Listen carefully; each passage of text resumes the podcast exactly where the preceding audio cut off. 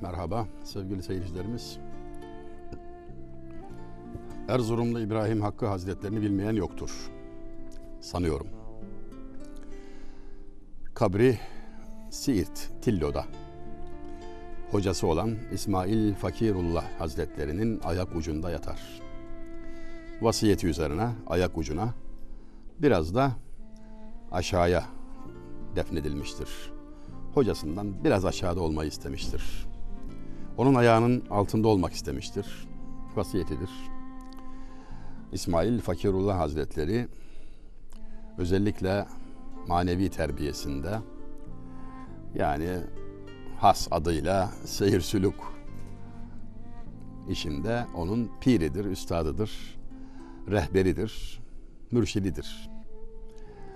Sormuşlardır İsmail Fakirullah Hazretlerine. Efendim talebeniz İbrahim Hakkı'nın şu kadar kitabı var. Hakikaten öyledir yani. Çok eser vermiştir. Hem de çok ayrı sahalarda. Çok sayıda kitap sahibidir. Marifetname başta olmak üzere. Divan sahibidir. Çok iyi bir şairdir. İbrahim Hakkı Hazretleri. Eseri çok yani velhasıl. Bundan bahisle efendim talebeniz İbrahim Hakkı'nın şu kadar eseri var. Siz onun hocası olduğunuz halde kitabınız yok. Yazmadınız. Neden? Cevap çok enteresandır. Buyurmuştur ki Hazret, İbrahim Hakkı'yı biz yazdık. Evet. O kitapları yazanı yazdık buyurmuşlardır. Aynı ile vakidir. Gerçeğin ta kendisidir. Asıl olan insanı yetiştirmek. Her zaman söylemez miyiz? En değerli yatırım insana yapılan yatırımdır. En verimlisi odur. Neticede yaptığınız ettiğiniz bütün eserleri çekip çevirecek olan, yaptığınız aracı sürecek olan, yaptığınız yoldan geçecek olan insandır. Nereye gidecek, nasıl gidecek, ne yapacak? Yani siz bir silah imal ediyorsunuz ama e, bununla övünmeden önce düşünmelisiniz. Bu silahı kim tutacak? Namlu nereye dönecek? Esasen başarının ve hayatın tanımını yaparken de buna dikkat etmeli değil miyiz? Şunu kazandım diyor, şunu yaptım diyor, şöyle diplomalarım var, anladık. Şöyle param var, tamam. İyi de nerede kullanacaksın, ne yapıyorsun, namluyu nereye çevirdin? En büyük hıyanetler okumuşlardan gelmedi mi? Yani okumuş olmak, diploma sahibi olmak başlı başına fazilet olsaydı. Lütfen dikkat. Hayatı anlamlandırırken çok dikkat lazım, hassasiyet lazım. Demişti ya üstad, kardeşim olduğunu söylüyorsun. Ama bilmeliyim, habil misin, kabil mi? İkisi de kardeş. Bizde niceliğe değil niteliğe bakılır. Velhasıl. Nasıl diye sorulur. Ne kadar diye değil. Niçin diye sorulur daha önemlisi. Gaye konseptinde, hedef, ideal konseptinde neredesin? Dünyanın en kötü insanlarının çok parası var. Çok zenginler. Yani insanlığın aleyhinde bulunabiliyorlar en büyük kötülüklere imza atıyorlar. Ama bakıyorsun gayet gösterişli diplomaları da var, paraları da var, itibarları var falan falan. İbrahim Hakkı Hazretlerinden söz açmamın sebebi biraz da şu. Kendisinin çok meşhur bir şiiri vardır. Hemen herkes bilir ülkemizde. Gayet basit, yalın bir Türkçeyle ele alındığı için olsa gerek dillerde dolaşır, ezber edilir, sevilerek okunur filan. Bestelenmiştir defalarca. Tefvizname denir bu şiire. Tefvizname. Tefviz etmek nedir? Yani havale etmek, bırakmak, delegation yani yetkilendirme veya yetkiyi kabul etme daha doğrusu. Havale etme. Allah'a havale etme has anlamıyla, özel anlamıyla ıstılah manasıyla şuradaki yer Allah'a tefviz et. Tefvizi umur eyle. Allah'a bırak işini. Bir şairden söz etmiştim. Kayserili Beli merhumdan esaslı bir gazeliydi. O ve son beytinde bu noktada bir işaret vardı. Ey beli etmeyen her emrini hakka tefviz. Hazar etsin ki anın fırsatı adaya düşer diyordu. Orada izah etmiştik ama şimdi kısa bir açıklamaya izin verin. Kendine dönerek diyor ki Beli, ey Beli her işini Allah'a havale etmezsen, işini Allah'a bırakmazsan var ya Allah senin işini insanlara bırakır. İpinin ucu geçer insanların eline. Ondan sonrası hiç belli olmaz. Bu insanlar sana ne yapar? Kaç gün över, kaç gün söver, nereye çıkarır, nereye indirir bilemezsin. Çünkü insanoğluna bıraktığın zaman onların övgüsüne veya yergisine tav olduğun zaman elbette şaşırırsın. Hata üstüne hata yaparsın, zincirleme kaza yaparsın. Dönemsel olarak yani konjonktürel olarak beğenirler, beğenmezler. İşine gelir beğenir, beğenmez her neyse ve sen rezil olursun. Aziz olmak için, zillete düşmemek için hak rızasını gözetmelisin. İşlerini hakka tefviz et demişti o şair Kayserili Veli. Şimdi dedik ya İbrahim Hakkı merhumdan o çok kolay, latif, efendim ezberlenesi şiirinden bir iki mısraya dokunalım. Hak şerleri hayreyler, zan etme ki gayreyler. Arif anı seyreyler, Mevla görelim neyler, neylerse güzel eyler. Deme şunun için şöyle, bir nicedir ol öyle, hayranı hak ol söyle, Mevla görelim neyler, neylerse güzel eyler. Tedbirini terk eyle, takdirini derk eyle, tefvizi umur eyle, Mevla görelim neyler, neylerse güzel eyler. 35 kıtadır da ben üçünü okudum şimdilik. Bu şiirle ilgili olarak mesela şunu söyleyesim var. Valla ahlak dersi, ne bileyim, gelişim, kişisel gelişim dersi, semineri, konferansı gibi çalışmalar hayli moda. E olsun yani sözüm yok da buralarda bir miktar pusula titriyor gibi geldi bana. Yani böyle acabalar çok sanki. Kendi kaynaklarımızla aramızda bir mesafe olduğu için, sevimsiz bir mesafe olduğu için başkalarından ders almaya kalkıyoruz ki vahim hata. Adamın diktiği elbise sana uymuyor genellikle. Senin hassasiyetlerini bilmiyor. Adam baklava yememiş ki. Senin derdin nereden bilsin? Yufkayı bilmiyor adam. Sen nasıl anlasın? Yaylayı bilmiyor, yaylayı. O. İstanbul nedir ki Erzurum yayla demiş ya adam. Yani tarihi süreçlerde senin yaşadıkların, senin genlerine işlemiş olan alışkanlıklar, güzellikler, eğilimlerden haberdar olmadığı için reçete sahibi genellikle o ilaç sana uymuyor. Öyle değil mi?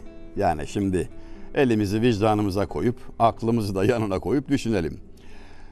Birçok örnekten söz açmak mümkünse de sadece İbrahim Hakkı merhumun bu şiiri alınsa merkeze anlaşılması da kolay, okunması kolay, ezberlenmesi kolay. Çok latif bir biçimde hissettirmeden aruzla yazılmış. Gayet güzel. Hak şerleri hayreyler, zannetme ki gayreyler, arif anı seyreyler, Mevla görelim neyler, neylerse güzel eyler. Senin şer gibi gördüğün hayra döner. Hak şerleri hayreyler. Allah nice şerleri hayra dönüştürür. Nice olumsuzlukları olumluya çevirir. Nice krizleri fırsata döndürür. Üzüldüğün şeye yeri gelir sevinirsin. Hazreti Ebu Bekir buyurdular ki, çok ağladığım günler oldu. Gün geldi ağladığımı ağladım. O gün üzülürsün. Çünkü o gün dikendir karşındaki. Ama o diken gülden haber veriyor. Arkasında gül var ve sen onu bilemediğin için belki, bekleyemediğin için, sabırsız davrandığın, acul davrandığın için o gün üzüldün, ağladın. Ama sonra utanırsın. Boşuna ağlamışız dersin ve o efendim idraksizliğine ağlarsın yeri gelir. Hak şerleri hayreyler. Zannetme ki gayreyler. Sen zannetme ki başka türlü yapar Hak Teala. Yani onun sana verdiği hayırlı olandır. Bunu anlamalısın. Kimse ondan fazla sana şefkatli değil. Kimse ondan fazla seni tanıyor değil. Niye seversin Allah'ı demişler de. Dervişin ettiği lafa bak. Vallahi komşu kabahatimi bilmediği halde etmediği laf yok. Yaydı mahalleye, yalan yanlış bilgilerle, kendi yanlış anlamalarıyla beni yerin dibine soktu, yerdi. Halbuki Allah bütün kusurlarımı biliyor ve örtüyor. Biliyor ve örtüyor. Başka sebebe ne gerek? Sırf bunun için elbette ancak Allah sevilir demişti. Zannetme ki gayreyler, arif anı seyreyler. Burası önemli. Yani bunu arif görür diyor. Herkes görmez. Görene arif derler. Arife tarif gerekmez. İşte irfan gözüyle bakabilmek. Ziya Paşa'nın çok esaslı bir şiirinde rızkına kani olan gerduna minnet eylemez, alemin sultanıdır muhtacı sultan olmayan. Kendisine ayrılan hisseye razı olduğun zaman yücelik bulursun. En tepeye çıkarsın diyor. Manevi yükselişten bahsediyor. Kendisine verilene razı olduğu zaman insan sultan olur diyor. Rızkı maksuma kanaattır meali hikmetin. Rızkı maksuma kanaattır meali hikmetin. Ya hırsın nev şikar ile şikar elden gider. Kendisine ayrılan taksime razı olandır asıl kazanan. Yeni bir ava heveslendiği için eldeki avı kaçıran çok avcı gördüm diyor. Öyledir ya şimdi avcı doğrulttu okunu tüfeğini neyse gördü avı. Şöyle bir güzel bir kuş yani böyle vurabilecek. Ama o arada başka bir av daha böyle gösterişli bir av gördü. Gözü kaydı tereddüt etti o mu o mu dedi bir baktık ikisini de kaybetti. Yani rızkına kani olan veya rızkı maksuma kanaat gösteren, kendisine ayrılan hisseye rıza veren kişi makbuldür ve devlet bulur, sultan olur. Şah iken geda olmaktan kurtulur. Mevla görelim neyler, neylerse güzel eyler diyerek kıtayı tamamlıyor İbrahim Hakkı Hazretleri. Mevla sevdiğimiz demek, dostumuz demek, hakiki dost olan demek ki mecazen Allah. Mevla görelim neyler, neylerse güzel eyler. Deme şunun için şöyle. Bir nicedir ol öyle, hayranı hak ol söyle, Mevla görelim neyler, neylerse güzel eyler. Yani kıl bunu açıklamak için yine mecburen başka bir beyte gideceğim. Yine Ziya Paşa'dan. Kıl sanatı üstadı tahayyürle temaşa dem urma eger arifi sen çoğunu keradan. Daha ağır kelimelerle kurulmuş. Sen diyor Hak Teala'nın yarattıklarındaki intizamı, güzelliği gör de aklın başındaysa adam isen, arif isen niçin, nasıl diye lüzumsuz sorulara bakma yani. Dem vurma çoğunu çeradan, niçinden, nasıldan dem vurma. Bırak oraları sen. Veren Allah, yaratan Allah, gönderen Allah. Sen neyin münakaşasını yapıyorsun? Daha iyisine aklın verecek. Kimin aklı erer? Onun verdiğindedir bütün güzellik. Orijinalini söyleyemeyeceğim ama şöyle bir beyt. Suni güzelliklere aldırış etme diyor. Çünkü seni en güzel surette yarattım diyen Allah'tır diyor. Yani gidip de kuaförde, makyajda falan çok fazla zaman ayırma yani o ya süslesen dışını süslersin. Toprak ol toprak olacak bir şeyi süslüyorsun yani. Viran olacak kasra bu zinet çoktur diyor şair. Yıkılacak eve bu kadar süs fazla diyor. Yıkılacak ev nedir? Hem servet saman işte üstümüzdeki şu çatı şu bu falan yıkılacak. Bir de bina bu beden yani. Bu yıkılacak. Sen o değilsin ki sen ruhsun. Sen ruhunu güzelleştir. Kalbini güzelleştir. Ebedi hayat ruhta beden dediğin toprağa bırakıp gideceğin bir emanettir işi bitince. Onu süslesen ne olacak, süslemesen ne olacak? Solucan yemi diyor yani. Deme şunun için şöyle bir nicedir ol öyle, bak sonunu seyreyle. Sonuna bak işin. Bak sonunu seyreyle, Mevla görelim neyler neylerse güzel eyler. hakkın olacak işler. Boştur gamu teşvişler, ol hikmetini işler. Mevla görelim neyler, neylerse güzel eyler. Bana biraz da babadan ge- gelmiştir bu ezber merakı. Böyle nerede güzel şiirler görse babam tutar ezberlerdi. Bir de bazen bunu yüksek sesle söylerdi. Mecburen ben de kapardım yani işi. Baba e, ideal oluyor tabii yani her şeyin en iyisini baba bilir yani. Baba söylerken artık soruya gerek var mı? Ben İbrahim Hakkı Hazretleri'nin bu şiirinden önemlice bir kısmı babamın terennümleriyle kapmıştım. Hayli küçük yaştayken. Bunu söylemem benim hayatım çok önemli olduğu için falan değil. Kendimi örnek gösteriyor değilim. Bir şey demeye çalışıyorum. Bugün sen babasın. Bugün sen annesin. Ve çocuk seni izliyor. Çocuk senin gidişatına bakar. Gidişlerine bakar. Adımlarına bakar. Sözlerine değil. Yani buna dikkat et lütfen sevgili kardeşim. Sen de gördüğünü kuş gördüğü yu- yuvayı yapar derler. Kuş gördüğü yuvayı yapar derler. Sen onun önünde kitap okursan, güzel şeyler söylersen, ne bileyim davranışlarını buna göre dizayn edersen seni taklit edecektir, senden istifade edecektir. Babalık, annelik tam olarak da budur zaten. Hiç unutmamalıyız. Annelik ve babalık baş öğretmenliktir. Çocuk üzerinde en etkili öğretim ve eğitim faaliyetini aslında anne baba yapar. Hem de en verimli çağında her şeyi öğrendiği o ilk 3-5 yıllık zaman diliminde. Bunu boş geçirmek büyük hatadır. Hele hele yanlış geçirmek hatadan öte hatadır. Dikkat etmek lazım. Bil elsineyi halkı, aklamı hak ey hakkı, öğren edebi hulkı, Mevla görelim neyler, neylerse güzel eyler. Elsineyi halkı bil demek çok biraz Osmanlıca terkip var. Yani insanların dilini anla. Bu ne biliyor musunuz? Tabii biliyorsunuz. Empati dedikleri şey işte. Ya ne diyor o? Niye söylüyor? Derdi ne? Anlamaya çalış. İletişim denilen sanatın üç ögesi vardır. Anlamak, anlatmak, anlaşmak. En mühimi anlamaktır. Birisiyle konuşuyorsunuz. Mesela siz satıcısınız. Ne bileyim, prezentasyon yapıyorsunuz. Bir teklifiniz var, proje anlatıyorsunuz.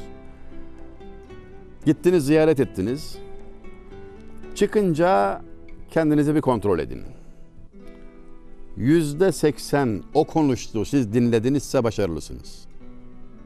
Yani başarı dinlemekte, anlatmakta değil. Siz bize bakmayın. Bizim işimiz anlatmak da ondan. Yoksa dinlemek yüzde seksen dinle, yüzde yirmi anlat, göreceksin. Kendi gayretinden, uzun uzun anlatma gayretinden çok daha verimli bir sonuç elde edeceksin. Bil elsineyi halkı. Yani onun ne dediğini anla. Hekimliğin de önemli, çok önemli bir kısmı dinlemektir. Anlamaktır. Çünkü tabiplerden duymuştum. Hastalık yoktur. Hasta vardır. Her hasta özeldir. Yani makine gibi değil ki bu filancaya bunu uyguladım bu tedaviyi burada da onu uygularız falan. O ona şu ilacı verdik buna da verelim. Öyle değil. Herkesin özelliği var. Farklı. Farklı başka hassasiyetler var. Herkes de ayrı. O yüzden iyi anlamak, iyi dinlemek lazım.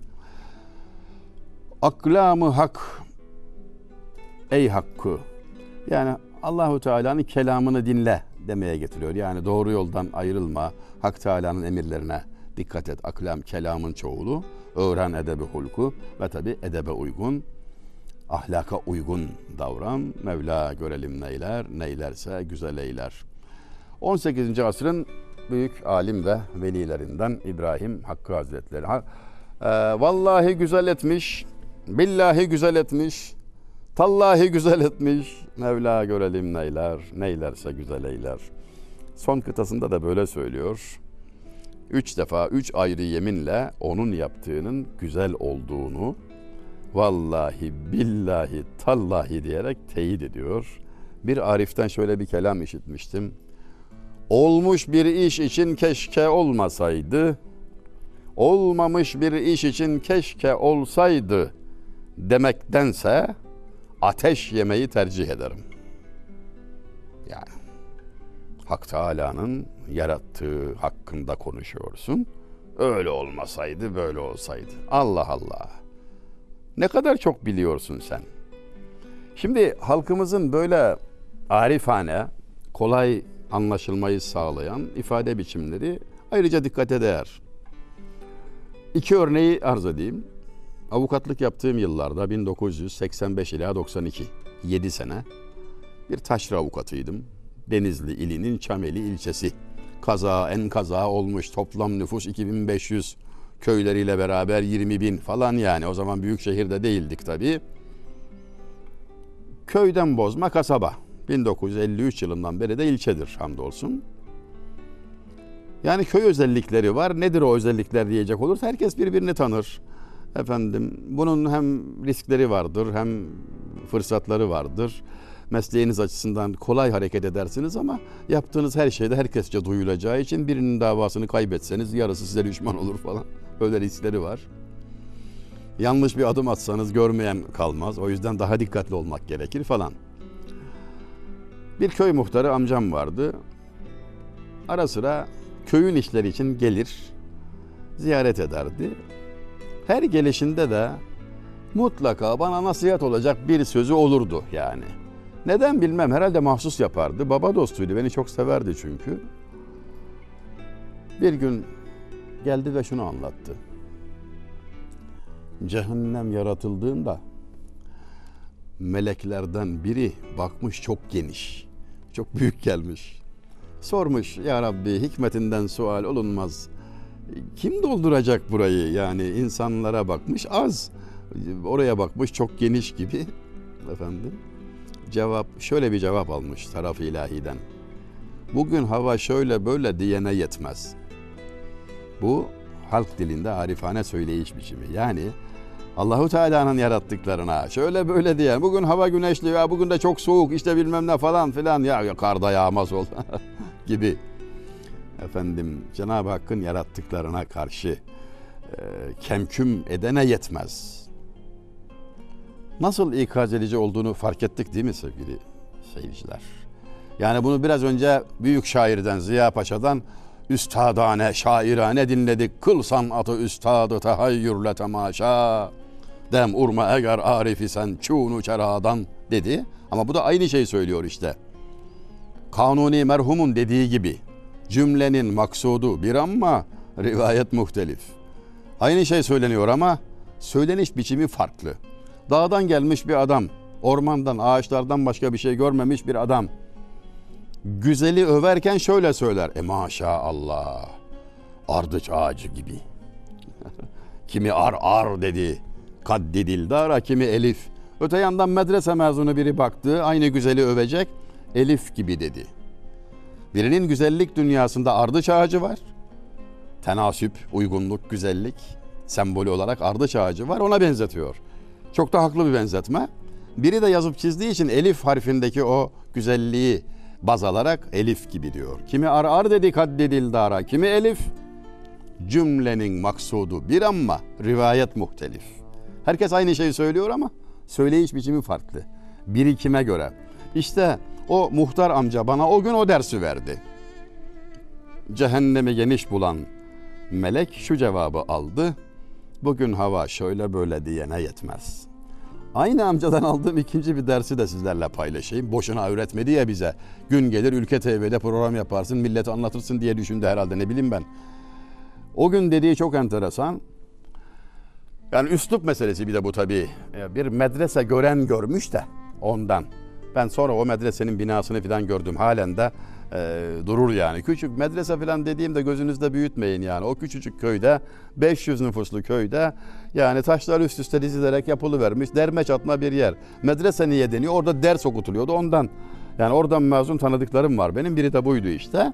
Or oradan mezun birini tanıyan bu muhtar. Bana verdiği derse bakın. Geldi yazıhaneye oturdu ve oturur oturmaz ettiği laf. Ben bile korkarım demiş. Mahalli söyleyişle söylüyorum yani. Ben bile korkarım demiş. Son derece dikkat çekici bir anlatım biçimi. Kim demiş dedim Salih amca. Cehennem demiş dedi. Ne demiş? Ben bile korkarım demiş. Neden korkarmış cehennem bile? Haviyeden. Ben cehennem olup dururken haviyeden korkarım diyor. Şimdi işaret şu. Haviye cehennemin en dibi. Yedi kattır. Kitaplarımızda detaylı bilgi var. En altı haviye. İman sahibiyken kaybedip ölen yani mürtetler için azabı ne kadar şiddetli ki? Hani bunu ifade etmek için Anadolu irfanı böyle tercümede bulunmuş. Cehennem cehennem olup dururken haviyeden korkar. Aman dikkat. Sen kendini düşün tarzında. Teşekkür ederim sevgili seyirciler. Daha fazla video izlemek için kanalımıza abone olabilir, ilk izleyen olmak isterseniz bildirimleri açabilirsiniz.